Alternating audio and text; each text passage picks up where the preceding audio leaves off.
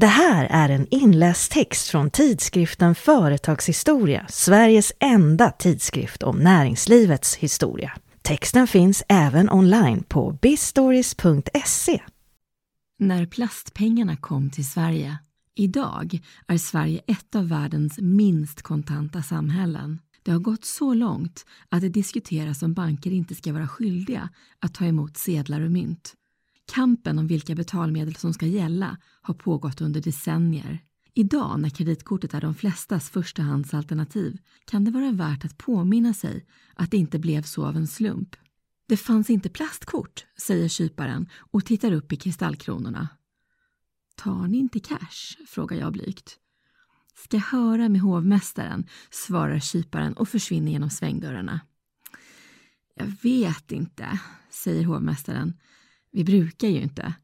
Om du åtminstone hade haft check. Han för hundringarna till näsan och rynkar på densamma. Plastkort luktar inte, säger han. Nå, är det min tur att säga. Ska jag höra med restaurangchefen, säger hovmästaren. Vi har ingen apparat för såna där papper, säger restaurangchefen och pekar avmätt på mina hundringar. Efter en stund kommer källarmästaren in. Vi har beslutat att acceptera dem där, säger han och pekar på hundringarna. För den här gången. Bra, säger jag. Bara en sak, tillägger källarmästaren. Aha, vad då? Jo, fanns det legitimation? Plastkort luktar inte, är rubriken för kåseriet från 1977 av signaturen Spalten, alltså Åke Kato.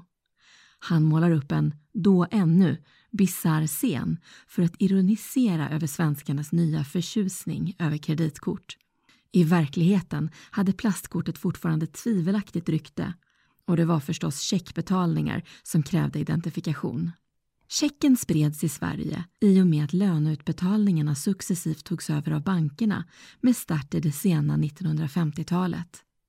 På 1960-talet fick vanliga arbetare checkkonton, inte sällan i affärsbanker, och skulle lära sig att skriva ut checkar, kreditkort av plast efter amerikansk modell som berättigade till rullande, revolvering alltså, kredit introducerades också redan under 1950-talets sista år.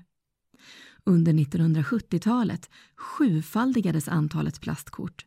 Spridningen tog fart redan innan online-tekniken kunnat användas på bred front. Det gick över 40 kort på 100 svenskar år 1979, alltså drygt ett kort per behörig vuxen. Även om amerikanerna ägde fler var siffran hög i europeisk jämförelse. Bara britterna hade lika många plastkort som svenskarna på den tiden. Alla dessa kort var dock inte renodlade kreditkort. Betalkort som amerikanska Diners Club från 1949 eller halvt svenskägda Eurocard 1965 användes av företagskunder medan även privatpersonen innehade bensinbolagens kort, Gulf, Esso, BP med flera, eller bankomatkort. Den första svenska bankomaten öppnades redan 1967 av Uppsala Sparbank. Bara några dagar efter att världens första uttagsautomat invigts i Storbritannien. Först mot slutet av 1970-talet började kredit, betalning och uttag kombineras i samma kort. Det var också då de internationella jättarna Visa, tidigare Bank Americard, och Mastercharge, senare Mastercard, etablerade sig i landet. Föregångsland i Europa. Sverige beskrivs i den amerikanska kreditkortshistorien som en svår marknad att erövra. Förklaringen är sannolikt plastkortens tidiga och därför mer nationellt särpräglade etablering i Sverige. I andra europeiska länder lanserades kreditkortskonceptet vanligen genom de internationella kortens introduktion och under försorg av nationella banker. Exempelvis distribuerade Barclays Bank Visakortet i Storbritannien från 1966. Mastercharge introducerades i Sverige 1979 av kreditkortsföretaget Köpkort AB, ett fristående företag samägt av alla affärsbanker som utgav ett svenskt kreditkort sedan 1962. I Visas fall var det inte ens ett bankägt företag som stod för den svenska distributionen utan företaget Interkonto, ägt av entreprenören Erik Elinder 1912 till 1998. Interkonto tidigare Elinderska kontoföretagen, etablerade 1971, gav ut regionala och branschspecifika kort och administrerade en rad så kallade legokortsystem för enskilda företags räkning, till exempel IKEA-konto och Kappahl-konto. Det var första gången i Visas historia som en icke-bank tilläts ansluta sig och utfärda kort med både Visas logotyp och det egna företagsnamnet på. Vad ligger bakom den särpräglade svenska historien om kreditkorten? Skämtet i 1970-talskåseriet bygger på att den ökade spridningen av kortet krävde en mental och kulturell omställning till nya former av betalningar. Det var problematiskt eftersom kreditkortet introducerade en ny typ av konsumtionskredit och ämnade normalisera kreditanvändningen. Krediter för konsumtion hade nämligen under största delen av 1900-talet framstått som moraliskt tvivelaktiga. En grundsten i Kooperativa förbundets arbete för rationell konsumtion sedan 1900-talets början var kampen mot krediterna i handeln. KF var med sina många tusentals butiker och över en miljon medlemmar både en viktig aktör på marknaden och en viktig opinionsbildare. Det tillät visserligen kredithandel i de egna butikerna sedan 1946 i en ytterst kontrollerad form som kallades låneköp och enbart gällde vissa varaktiga konsumtionsvaror. Men kritiken mot konsumtionskrediter bestod långt in på 1970-talet. Det kan därför te sig förvånande att Sverige faktiskt var det första europeiska landet som införde kreditkortssystem efter amerikansk modell. I februari 1959 lanserade det nya företaget Stockholms Kontoring AB sitt kreditkort av plast. Bakom kortet stod 56 detaljhandlare i Stockholm vilka ville samordna och rationalisera sin kreditgivning. Det var första gången butikernas kontokrediter skulle skötas av en tredje part. Samma år bytte Nordiska kompaniet ut sin anrika kontobricka av metall som använts för att identifiera kontokunderna ända sedan tidigt 1920-tal mot en i plast. De svenska plastkorten infördes knappt ett halvår efter att Bank of America i september 1958 utnyttjade det lätta och billiga plastmaterialet till att oombett skicka ut sina nya kort till 130 000 personer i Kalifornien. Liknande massutskick skedde dock aldrig i Sverige. Övertyga konsumenter och handlare de svenska affärsbankerna såg potentialen i kreditkortet och började starta egna kontosystem under åren 1959 till 1960 med huvudsakligt verksamhetsområde i Stockholm. City och Söderkonto finansierades av Handelsbanken. Skandinaviska banken startade Shoppingkonto AB. Stockholms Enskilda Bank hade till en början två kontosystem. Drottninggatskonto och Gamla stans konto. Bankerna valde att starta fristående bolag istället för att som de amerikanska bankerna gjorde driva verksamheten i eget namn. Det berodde dels på gällande bankföreskrifter för säkerhetstäckning, dels på ambitionen att undvika den badwill som kreditkortsverksamheten kunde föra med sig. Arkiven vittnar dock om att bankmännen, med blicken riktad mot USA, trodde starkt på kredithandelns snabba utveckling i Sverige moraliskt betonade invändningar nämndes, men, ansåg de svenska kreditkortsivrarna, en allmän omsvängning hade redan skett, även inom den förr så kreditkritiska kooperativa rörelsen som själva hade infört låneköpen. En tävlan om marknadsandelar vidtog även om ett samarbete diskuterades redan från början. Kreditkortet lanserades offensivt och på räntabilitetens bekostnad under några hektiska månader kring 1960. Exempelvis bedrev Handelsbanken kraftig och kostsam reklam. Utöver konsumentreklamen gällde det att få med så många detaljhandlare som möjligt. Stockholms Enskilda Bank annonserade i Dagens Nyheter och anställde ett större antal damer mellan 30 och 40 som skulle besöka och rekrytera huvudstadens butiker till kreditkortssystemet. Den svenska marknaden ansågs dock för liten för många konkurrerande aktörer och efter en serie fusioner omorganiserades de bankägda kortföretagen.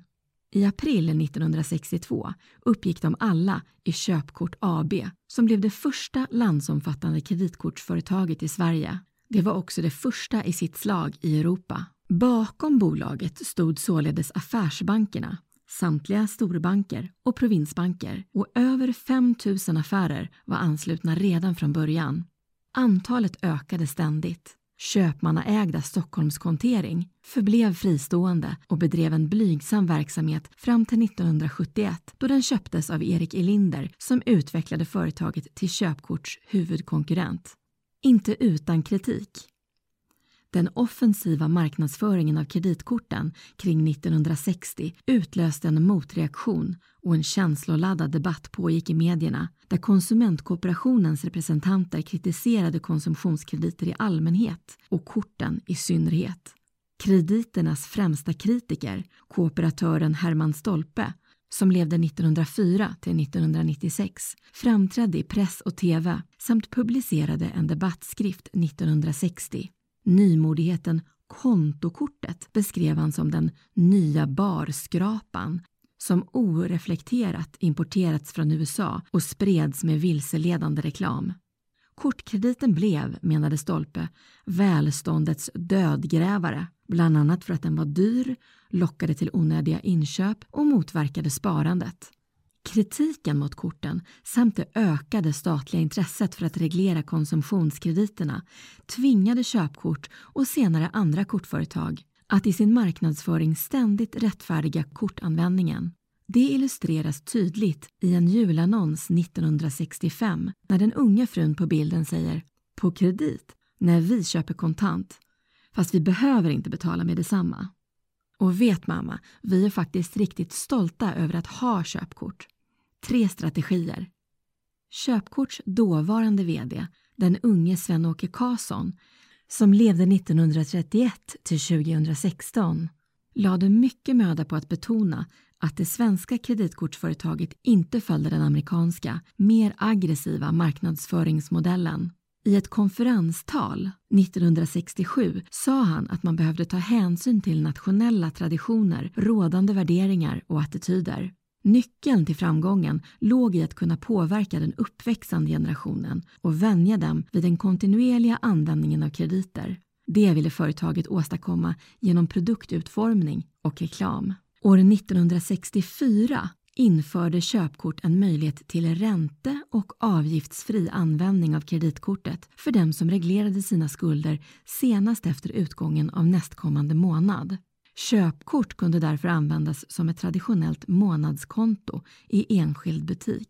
Men om man efter köpet beslutade sig för att istället betala under en längre period i form av månadsamorteringar som tidigare blev krediten rullande och först då belastad med ränta. Därigenom kunde för det första jämförelser med statusfyllda och anrika varuhuskonton göras. Sådana hade helt andra konnotationer än den ofta kritiserade avbetalningshandeln. En huvudslogan för köpkort under 1960-talet blev begreppet förtroendebevis. Köpkort ger förtroende, köpkort inger förtroende, hävdade reklamen i mitten av 1960-talet. Kortinnehavaren behövde inte ens i köpögonblicket fatta beslut om han eller hon skulle betala inom månadsperioden eller senare. Enligt Carson innebar denna konstruktion att kunden kunde träda in på konsumtionskreditens område utan mindrevärdighetskomplex eller stigma. Kort som moderna pengar. För det andra underlättades avstigmatiseringen genom att kortet nu kunde framställas som ett betalningsmedel istället för ett kreditmedel. Köpkort marknadsförde sitt kort som moderna pengar. Reklambroschyrer jämförde kortet med betalningsmedel genom tiderna, mynt, sedlar och checkar. I en text för intern utbildning 1969 utvecklade företagens representant idén om att köpkortets framtid låg i dess funktion som betalningsinstrument. Alla har gubevars inte fortlöpande behov av kredit, men väl av pengar, skrev han.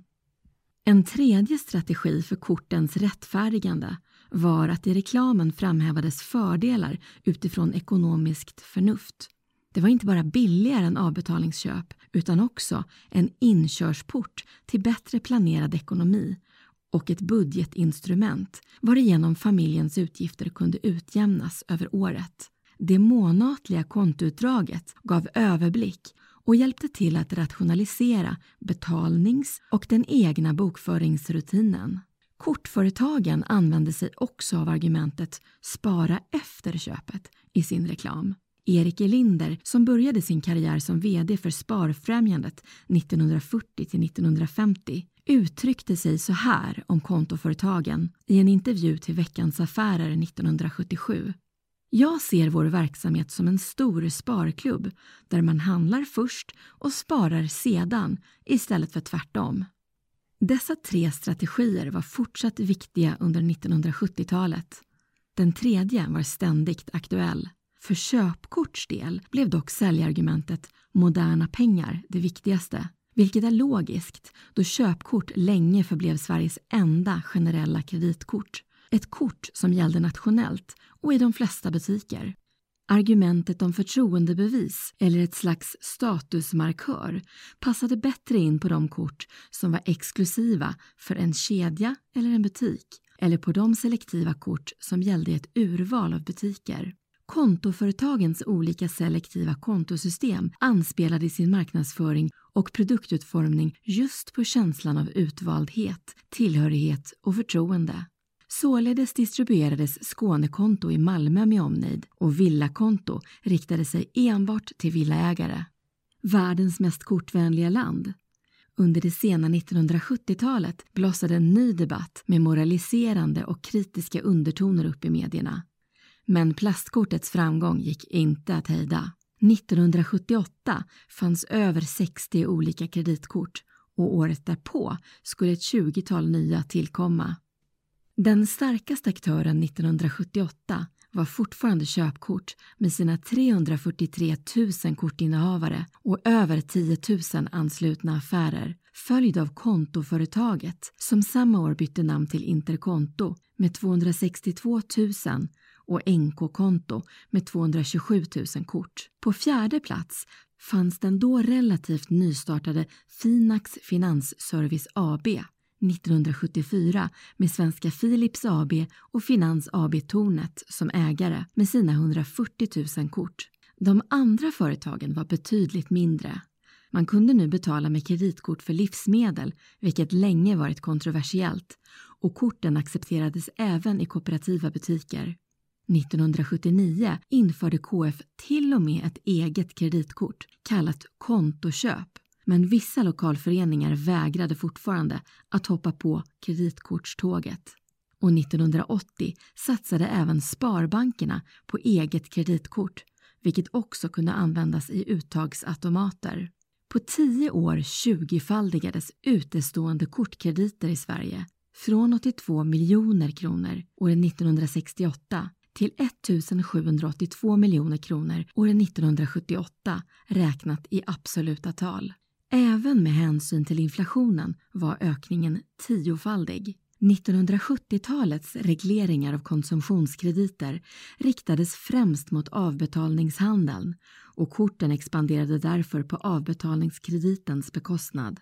Regleringar och kreditrestriktioner stoppade kortmarknadens tillväxt under en period i början av 1980-talet.